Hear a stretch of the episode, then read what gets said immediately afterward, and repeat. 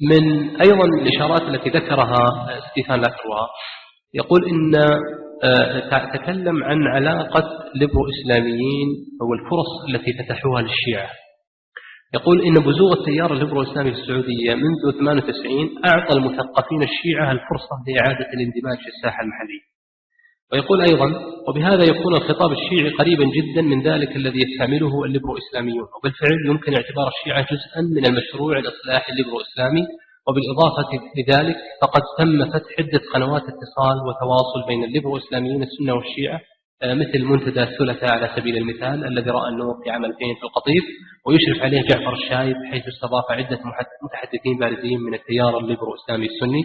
وذكر أسماء حدثت لا أريد أن أتكلم أسماء.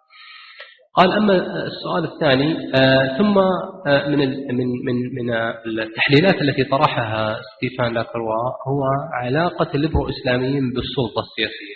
فهو يرى هذه رؤيته آه، يرى أن هناك دعم سياسي لهذا التيار. ثاني ما وقف إلا يوم جتها السياسة.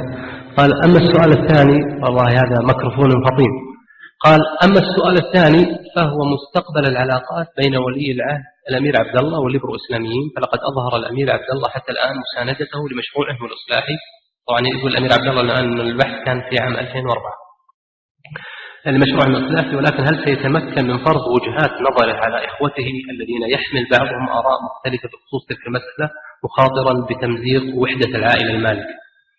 آه، وفي النهاية هل هو فعلا مستعد كما يطالب الليبرو إسلاميون لخلق سعودية جديدة مبنية على المبدأ الشامل للأمة وليس المبدأ القاصر للوهابية. النهاية رؤيته هو آه، حول هذا التيار. قال أنه يبدو أن المحاولة لحشد التيار الفكري السعودي بمختلف نزاعاته على منبر ليبرو إسلامي وطني قد فشلت.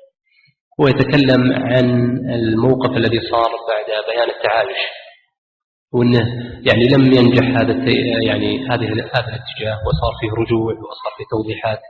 لبعض المشايخ اللي وقعوا على بيان التعايش.